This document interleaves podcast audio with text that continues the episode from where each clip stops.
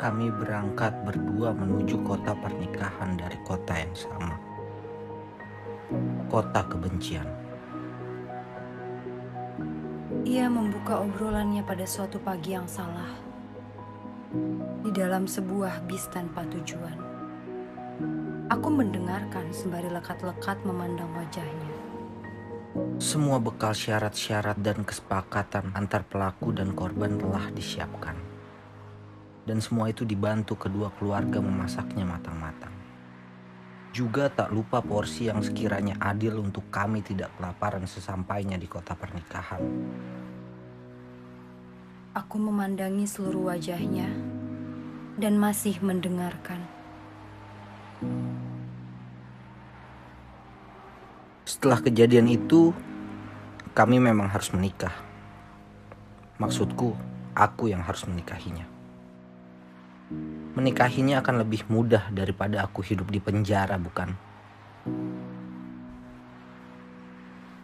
Aku masih belum berani menyela kata-kata yang keluar dari mulutnya. Meski dalam beberapa saat, ia sempat terdiam. Sesekali ia menoleh ke jendela. Sementara badannya masih bersandar pada bangku yang tak sesuai bentuk punggung. Bis melaju dalam kecepatan stabil. Pagi hari itu di jalan bebas hambatan, kemacetan seperti biasanya memang tak terjadi. Di sisi jalan, dari jendela kami melihat sebuah mobil keluaran Jerman yang ringsek. Entah apa penyebabnya. Seluruh penumpang mobil itu sudah tak terlihat. Hanya ada beberapa petugas yang mengamati sisa-sisa bentuk mulus kendaraan berharga miliaran rupiah itu. Apakah hidup ini seperti mengendarai mobil di jalan tol? Hampir semua mulus, tapi tetap ada saja yang celaka. Aku ingin menjawabnya. Telah kupersiapkan jawaban yang paling tepat untuk mengatasi nasib buruknya. Tapi ku batalkan. Aku masih bertahan dalam kediamanku sambil tetap memandangi raut wajahnya. Malam itu, kami menyelesaikan masalah dengan satu-satunya solusi. Saling hantam. Saat itu juga kami lupa rasa mengasihi kami lupa rasa nikmatnya menggelinjang di ranjang. Kami lupa pada senja yang menyumbang sebuah ciuman mesra. Mata kami, kepala kami, saling melihat kekacauan, kebisingan, kecurangan, bahkan permusuhan. Aku sedikit membuang arah pandang. Ada air yang segera jatuh deras. Aku ingin rengkuh kepalanya. Kedua kantung matanya terbenamlah di bahuku. Bahuku yang baik, bahuku yang cantik, akan mampu membuatmu istirahat sempurna. Segeralah. Tanpa sempat kukatakan keinginanku, ia telah merebahkan kepalanya di bahuku Tanganku membelai rambutnya pelan. Adegan itu mengingatkanku pada masa lalu. Aku tahu dari raut wajahnya, usianya bahkan belum menginjak seperempat abad.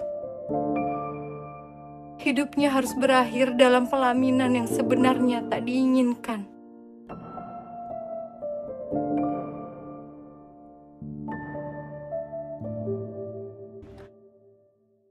Tepat sepuluh tahun lalu, aku merasakan apa yang dialaminya kini. Mengawini seseorang yang tak kuinginkan. Semuanya berawal dari sebuah kamar hotel seharga tak lebih dari sejuta di daerah Kemang. Kami berdua dimabuk asmara ketika itu.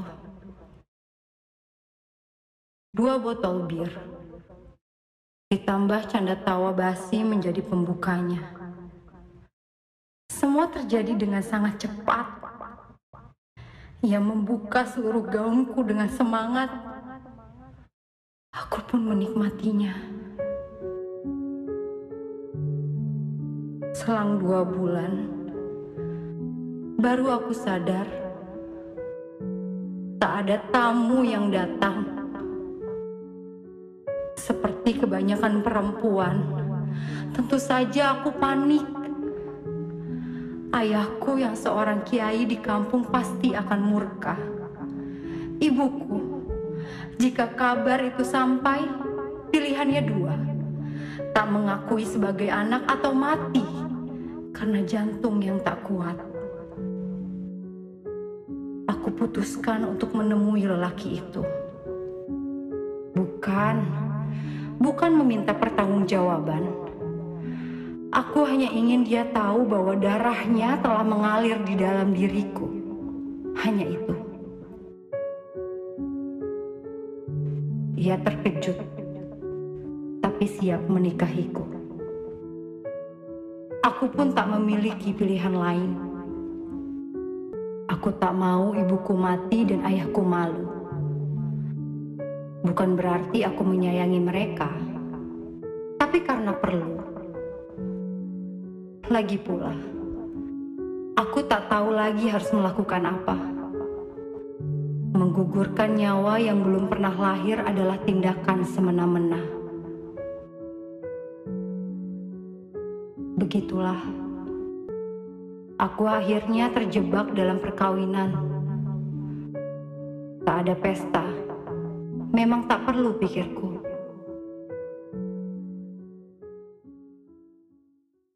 Ia yang sejak tadi banyak bicara, sekarang tinggal diam.